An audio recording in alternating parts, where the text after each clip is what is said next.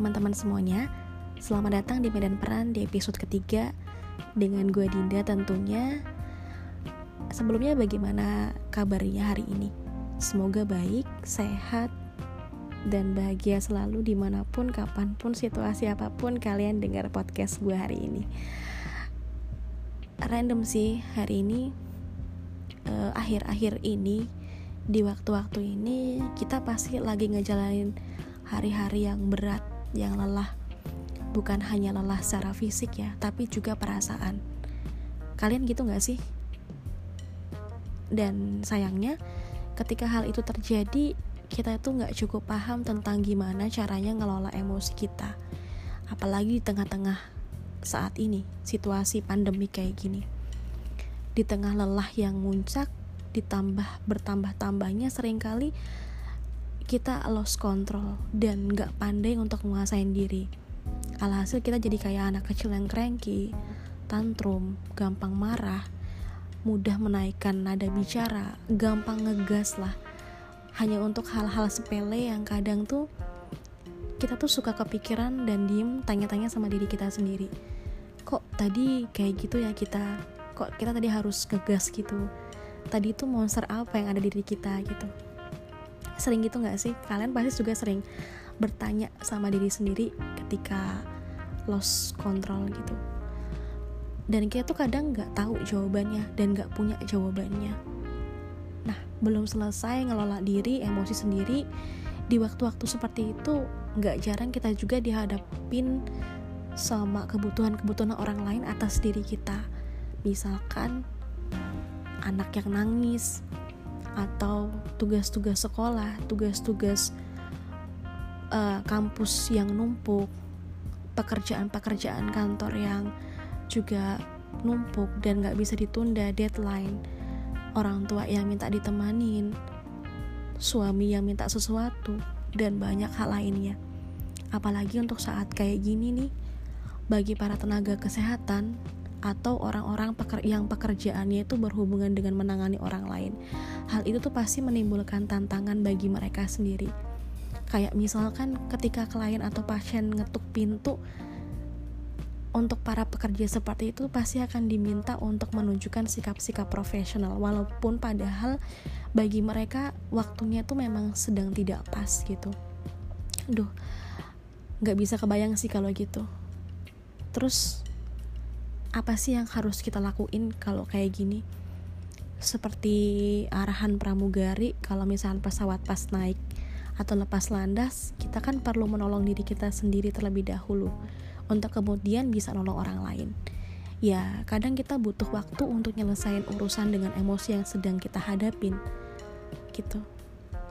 Tapi uh, berpikir nggak sih emosi itu pada dasarnya kan sesuatu yang baik loh dia itu sebagai pengingat atau penanda atau alarm yang memberikan informasi ke kita kita tuh lagi ada di situasi yang sedang seperti apa situasi yang sedang apa yang kita hadapin.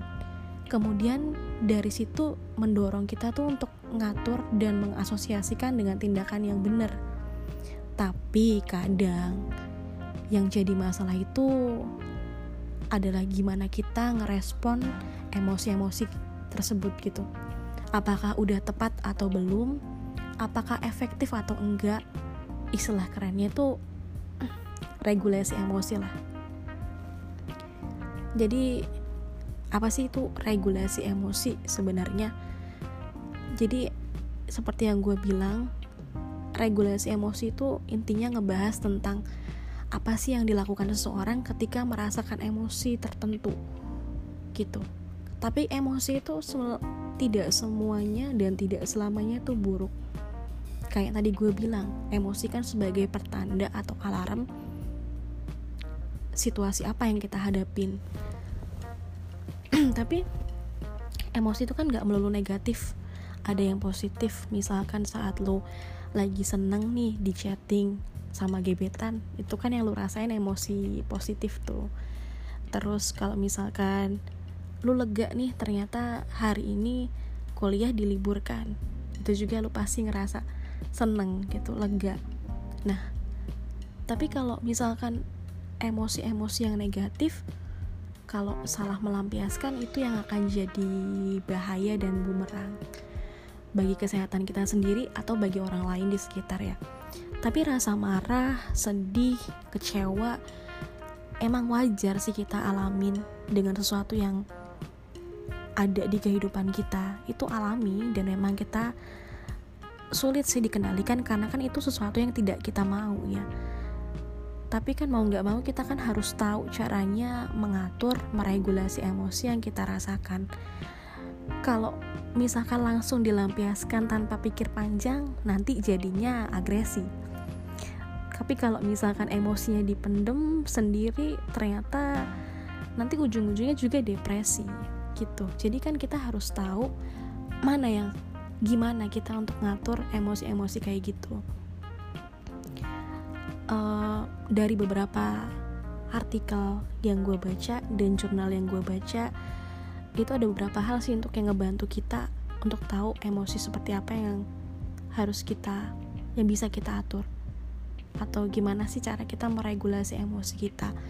Salah satunya itu adalah kita tuh biasakan untuk mengidentifikasi apa ya mengetahui kita tuh emosi apa yang sedang kita rasakan. Jangan sampai terlalu sering ada di dalam sebuah situasi di mana kita merasakan perasaan perasaan yang gak enak tapi kita bingung untuk menamain emosi apa yang sebenarnya kita, sedang kita rasakan. Kayak lu lagi ngerasa lu tuh sebenarnya marah tapi lu tahan dan kayaknya tuh nggak bisa marah gitu. Jadi kita harus tahu emosi apa yang kita rasain saat itu. Terus kita harus kenal juga emosi apa yang dirasakan orang lain dengan merhatiin sikap dan perilaku orang. Juga gestur mereka, gestur wajah atau mimik muka mereka.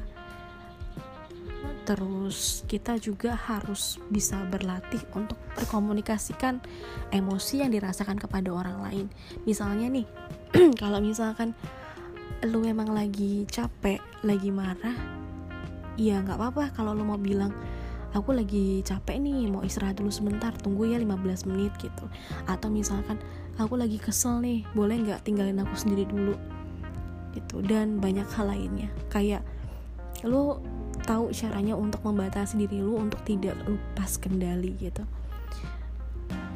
Terus pastikan tentunya untuk jaga diri sendiri ya dengan physically kayak pola makan yang sehat aktif dengan kegiatan-kegiatan positif gitu terus kayak misalkan nih di sini ya di masyarakat kita sendiri itu kadang tuh ada persepsi yang mengatakan hmm, kalau konteks budaya masyarakat kita tuh emosi negatif itu kadang cenderung tidak tidak boleh ditampakkan gitu.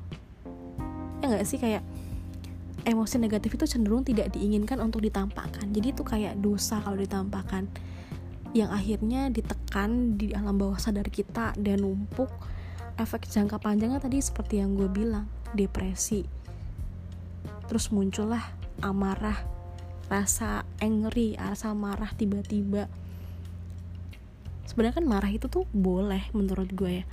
Asalkan tidak apa ya tidak bersifat untuk uh, mempengaruhi atau mengganggu diri kita sendiri dan orang lain. Satu lagi nih yang gue ingin sampaikan. Kadang tuh konsep sabar yang beredar saat ini itu tuh menurut gue tuh agak melenceng. Iya nggak sih? Menurut gue tuh sabar itu tuh bukan berarti menahan amarah, nggak boleh marah, dilarang marah, tidak boleh menampakkan marah gitu nggak gitu menurut gue menurut gue tuh sabar itu artinya mengelola marah kita sehingga tuh terkelola dengan baik dan gak bersifat merugikan bagi kita dan merugikan bagi orang lain gitu. Ya nggak sih? Nih kembali lagi ke hubungannya dengan kebutuhan orang lain ya saat kita merasakan emosi-emosi tertentu. Salah satu bentuk regulasi emosi yang paling umum di ya, paling umum dilakukan itu biasanya quality time atau time out juga. Pernah nggak dengar kisah Rasul dan para sahabatnya yang selalu berhenti dulu di suatu tempat untuk membersihkan diri selepas berperang sebelum menjumpai keluarganya di rumah. Kisah itu tuh menarik banget bagi gue ya, sebab dalam pandangan gue yang awam ini, ini tuh dalam ini tuh bentuk time out yang baik agar kemudian mereka tuh bisa siap untuk berinteraksi dengan keluarga di rumah di saat kondisi diri dan emosi itu sudah relatif stabil selepas beristirahat dan membersihkan diri. Time out juga tuh bagi kita bisa dilakukan misalkan dengan merawat diri sesaat setelah tiba di rumah atau quality time atau child gitu. Me sendiri sambil minum teh, kopi atau rebahan, me time, nonton film, drama. Pokoknya hal-hal yang memang bisa nenangin diri kita. Nggak perlu lama-lama sih yang penting waktunya tuh cukup. Dan dalam kondisi-kondisi yang sangat nggak stabil dan nggak optimal gitu senjata kita untuk saat ini tuh adalah regulasi emosi di tengah pandemik seperti ini juga. Apalagi kan saat ini adalah saat-saat kita juga perlu berhubungan dengan orang lain. Kita boleh kok minta seben minta mereka seben untuk sebentar nunggu. Asal beneran sebentar gitu untuk ngertiin kita kita tuh butuh waktu kita tuh butuh me time gitu. Sebab saat itu lebih cepat selesai dan berdamai dengan diri sendiri, kita juga tuh akan lebih cepat untuk bisa nolong dengan dan nanganin orang lain, orang-orang yang membutuhkan kita gitu, orang-orang memang yang uh, bergantung dengan kita, Ya mungkin mungkin lagi kebiasaan ngomong mungkin nih. Jadi itulah obrolan singkat gue tentang regulasi diri. Di saat-saat kayak gini kita tuh lagi butuh banget untuk mengatur emosi kita untuk lebih aware sama orang lain untuk lebih sabar. Tapi sabar dalam artian konsep tadi gitu ya bukan sabar artian tidak boleh marah nggak gitu nggak gitu konsepnya menurut gue. Jadi kayak sabar dalam artian lu bisa ngelola itu. Ya pokoknya semoga tetap sehat di tengah-tengah pandemi kayak gini dan tetap untuk peduli atau aware sama orang lain gitu. Jadi ya semoga obrolan kali ini atau perbincangan atau podcast hari ini bermanfaat. Semoga bisa untuk terbitin podcast podcast yang podcast podcast yang akan bermanfaat di kemudiannya lagi gitu. Baik selamat meregulasi diri selamat meregulasi emosi dan semoga hari-hari hari-hari berikutnya bagi kalian lebih baik. Ya stay safe dan see you